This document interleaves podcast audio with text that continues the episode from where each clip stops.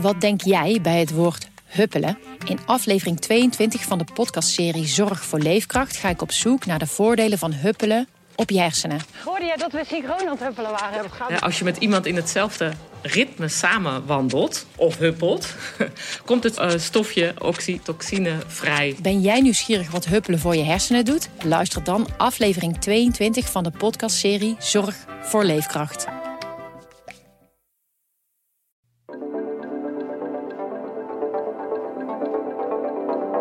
Hij kwam van de week aan, ja, en als je dan uh, weet dat het de ene laatste vaart is uh, voor de sloop, ja, dat, het gaat niet in je koude kleren zitten. Vanaf de redactie in is dit de PZC deze week. Mijn naam is Rolf Bosboom. Steeds meer Zeeuwse vissers stoppen ermee. Ze melden hun kotteren aan voor sloop. Een van hen is Rini Rail van de Arnhemuiden 18, die net zijn allerlaatste tocht heeft gemaakt. Verslaggever Theo Gielen sprak met hem. Waarom moet dat schip naar de sloop? En hoe moet het nu verder met de Zeeuwse visserij?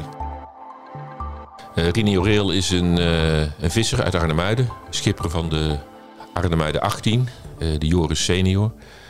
En Rini heeft afgelopen maand zijn laatste vistocht gemaakt. Omdat zijn schip ja, naar de sloop gaat. Ja, dat komt heel hard aan voor mij, maar zeker ook voor de bemanning. Maar ja, er zijn een paar jongens, daar varen we nu al 26 jaar mee. Dat is echt wel echt, daar zijn we heel goed mee. Het meeste zeer is ja, het einde van het bedrijf eigenlijk. Uh, ja. Klinkt eigenlijk heel triest, hè? want voor mij is hij nog niet zo oud. Uh, 50 jaar las ik in jouw verhaal. Ja. Dat moet toch ja, een buitengewoon emotionele gebeurtenis zijn voor zo'n man? Uh, dat is het zeker. Het begint natuurlijk al met, met de beslissing die ze afgelopen zomer namen om hun schip aan te melden voor, voor de saneringsregeling. Het schip is van zijn schoonouders. Dus formeel melden zijn schoonouders het schip aan voor de, voor de sanering ja, dat, was natuurlijk al heel erg moeilijk. Zeker omdat zijn eigen zoon op de visserijschool zit. En ja, zijn jongen heeft ook natuurlijk een beeld, of had ook een beeld voor zich van zijn toekomst. Dus dat is het eerste emotionele moment. En hij vertelt ook uh, van ja, toen zijn er ook al wat, wat traantjes gevloeid. Nou ja, dan had je de laatste vistocht. om even het beeld te schetsen, hij voer niet vanuit Vlissingen, maar vanuit IJmuiden. Het was zijn thuisbasis, omdat ze vooral visten in de noordelijke Noordzee. Mm -hmm. Nou ja, hoe dichterbij dat gebied, hoe hoe economisch het is. Afgelopen week kwam eigenlijk het, een beetje derde emotionele moment. Namelijk dat hij met het schip terug is gevaren naar, naar Vlissingen. Hij kwam van de week aan, ja, en als je dan uh, weet dat het de ene laatste vaart is uh, voor de sloop, ja, dat het gaat niet in je koude kleren zitten. Er stond ook familie aan de kade om, uh, om hem op te wachten. Ja.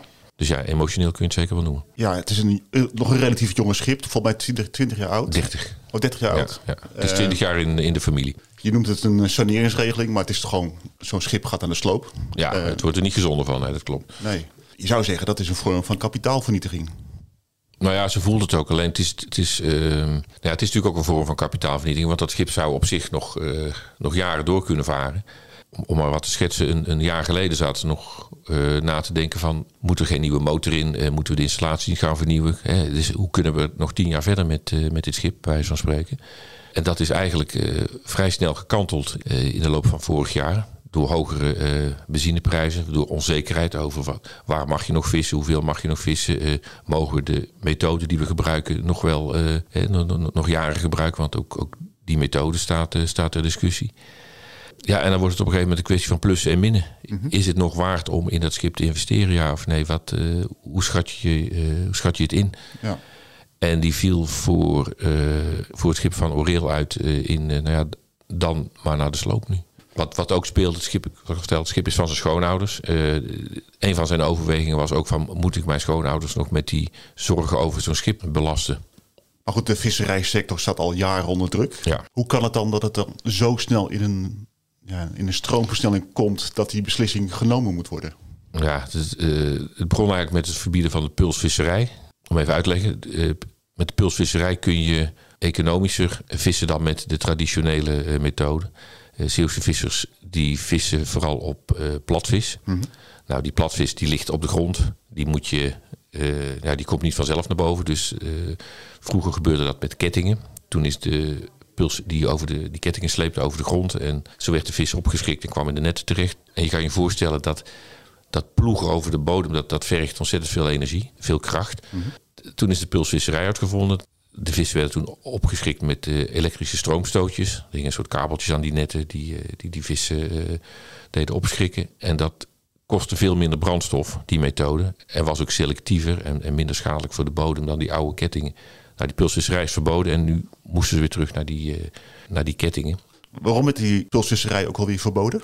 Voornamelijk omdat vanuit Frankrijk, vanuit milieuorganisaties en ook vanuit de, de Franse visserij bezwaar werd gemaakt tegen die methode. Want het zou enorm onvriendelijk zijn voor de vissen. die slag hebben zij in Brussel gewonnen. ondanks allerlei rapporten die aantoonden dat pulsvisserij minder schadelijk was dan, die, dan met, met die kettingen varen.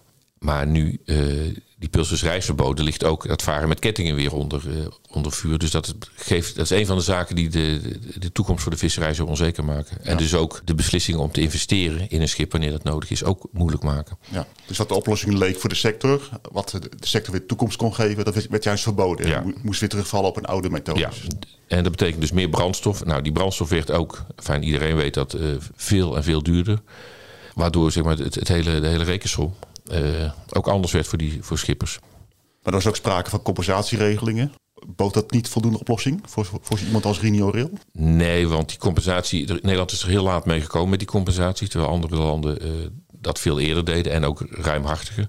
De beslissing daarover, dan praat je over compensatie voor de duurdere brandstof. Die is pas, dacht ik, in november genomen. Terwijl de saneringsregeling uh, op 1 december werd gesloten. Je moest je voor die datum aanmelden. Dus ja, veel, veel mensen hadden die, die beslissing al genomen. Ja. En bovendien vinden de vissers die compensatie ook veel, veel te weinig. Hij kwam in feite gewoon te laat. En ja. die beslissing was al genomen om te stoppen. Ja, ja en, en die compensatie kwam op het moment dat de prijzen alweer aan het dalen waren. Dus dat, uh... Saneren betekent eigenlijk gewoon gezond maken. Mm -hmm. Maar is het nou de methode om de sector gezond te maken? Of is het gewoon een manier om de sector uiteindelijk uh, te decimeren? Nou ja, in, heel de economie betekent uh, saneren vaak uh, inkrimpen. Als, als, als verteld wordt, we gaan saneren bij de PZC, dan denk ik niet dat, dat we ineens 30 redacteuren bij krijgen. dat geldt voor elk bedrijf, denk ik. Dus ja, het is, het is een, het is een, een mooi woord inderdaad voor, voor inkrimping. Kijk, wat opvalt is dat het geld wat je krijgt voor je oude boot, mag je dus niet gebruiken om een nieuw modern schip te laten bouwen. Dan zou je van saneren kunnen spreken. Volgens deze regeling moet je boot gesloopt worden. En mag je als eigenaar ook uh, vijf jaar lang niet meer dat geld gebruiken in de visserij. Ja. Want hoe, hoe groot is de Zeeuwse vloot nog? Uh, even opzoeken hoor. Uh, nou, tien jaar geleden waren het nog in totaal 33. Je hebt dan over de kotters, hè? dus ik heb het niet over mosselvissers of, of andere, echt de, de viskotters die op platvis en, en garnalen vissen voornamelijk. Toen had je 22 eurokotters, dat zijn wat kleinere schepen, en 11 grotere uh, zeegaande kotters, zoals ze dat noemen. Na deze sanering zullen daar in totaal nog 13 schepen van overblijven, dus van die 33. 7 eurokotters en uh, 6 grotere schepen. Dus bijna een derde blijft er over. Ja, in, sinds tien jaar geleden dan. Ja. In deze ronde zullen het er, wat ik uh, van de visserijorganisatie begrepen, uh, vijf uh, schepen weggaan. Dus die sector is eigenlijk in tien jaar tijd, wat gezien de historie toch relatief kort is, teruggebracht tot ongeveer een derde van, uh, van wat het tien jaar geleden was. Ja, en als je nog verder teruggaat, is het ja. natuurlijk nog veel, uh, veel sterker. Dus er zijn eigenlijk nog een paar vissers die overblijven vanuit Zeeland. Uh. Ja. En waarom is het nodig? Waarom moet die sector inkrimpen? Dat heeft onder meer te maken dat de Noordzee door steeds meer gebruikers geclaimd wordt. Als je denkt aan, aan de windparken op zee, dat zijn, dat zijn grote gebieden. Er zijn natuurgebieden uitgezet in de Noordzee. De scheepvaartroutes uh, heb je ook nog op de Noordzee. Het, het is, het, ja, als je vanaf de kant staat te kijken, lijkt het nog een leeg gebied. Maar het is, het is verschrikkelijk druk eigenlijk op die zee. En mm. steeds meer mensen zijn daar actief. Komt ook nog bij dat gebieden die aantrekkelijk zijn voor de visserij, ook aantrekkelijk zijn voor de bouwers van windparken. En ook aantrekkelijk zijn als grote natuurgebieden. Dat maakt dat er meer groepen grote gebieden claimen op de Noordzee. Maar dan krijg je wel een soort vicieuze cirkel, want die sector wordt steeds kleiner, de visserijsector. Ja, en dus hebben we steeds minder te vertellen. Ja, en uiteindelijk ga je die strijd gewoon verliezen. Ja, er zal altijd visserij overblijven, dat, dat, dat, dat geloof ik wel. Alleen, uh, ja, het wordt wel minder. Het is natuurlijk een pijnlijke situatie voor de vissers, maar als, uh, ga ik als consument dat ook merken? Dat is, dat is lastig te zeggen. Het ligt natuurlijk aan welke vis dat je eet. Als jij de importvis uh, uit de supermarkt eet, zul je er natuurlijk helemaal niks van merken. Als je vis eet uh, door Nederlandse vissers gevangen, ja, dat, dat, dat, is moeilijk te zeggen. Want kijk, bij elk schip hoort een quotum, een, een, hoeveelheid vis die je mag vangen. Dat visrecht lever je in zodra je je schip voor sloop hebt aangemeld. Maar dat recht gaat dan weer in een grote pot die verdeeld wordt over vissers die wel doorgaan. Ja, wat daar het effect van is, is, is, lastig te zeggen. Want uh, voor een aantal vissoorten wordt het quotum, dus wat, wat de Nederlandse vissers in totaal mogen vissen, uh, niet eens opgevist. Dus ja, het, het, het is, uh, je weet ook niet hoe dat in de toekomst gaat. Je weet ook niet hoeveel vis er in de toekomst gevangen mag blijven worden. Misschien gaan die quota wel omlaag, misschien ze omhoog. Dat wordt elk jaar weer bijgesteld. Dus die vraag is, althans voor mij, heel, heel lastig te beantwoorden. Blijft er dan wel een Zeeuwse vloot over, uiteindelijk? Ja, een vloot zal er altijd overblijven natuurlijk. Ja, maar... Twee schepen is ook een vloot. Maar... Ja, oké, maar uh, niet van heel veel betekenis meer. Mm, ja, het ligt eraan hoe je definieert. Kijk, de, de meeste uh, blijven doorvaren. Ook omdat uh, de prijzen voor vis waren het laatste jaar best goed. Dus als je ook niet nu voor de keuze staat... ik moet investeren in mijn schip... dan hoef je die keuze op dit moment ook niet te maken. Wat gaat Rini Oreel nu zelf doen? Want hij is 50 jaar. Daar gaat hij nog eens rustig een jaartje over nadenken. Dat weet hij eigenlijk nog niet. Het is, kijk, het is wat anders dan iemand die op de wal van baan verandert. Voor hem verandert eigenlijk gewoon zijn hele leven. Ja. Uh, je moet je voorstellen, normaal uh, zijn ze een hele week op zee en het weekend ben je thuis. Ja, nu moet je dus op een, een, leven aan de wal, constant aan de wal gaan, gaan oriënteren. En de vraag is, misschien bevalt dat wel, misschien bevalt het ook wel niet. Maar ja, de, kijk, het liefst zou hij natuurlijk toch weer gaan vissen. Ja, want dat vissen zwart, dat blijft.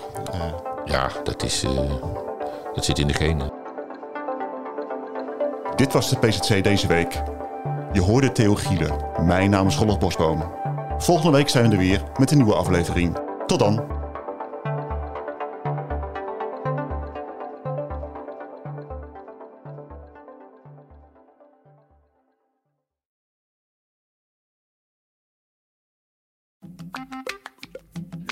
Wat denk jij bij het woord huppelen? In aflevering 22 van de podcastserie Zorg voor Leefkracht ga ik op zoek naar de voordelen van huppelen op je hersenen. Hoorde jij dat we synchroon aan het huppelen waren? Ja, als je met iemand in hetzelfde ritme samen wandelt of huppelt, komt het uh, stofje oxytocine vrij. Ben jij nieuwsgierig wat huppelen voor je hersenen doet? Luister dan aflevering 22 van de podcastserie Zorg voor Leefkracht.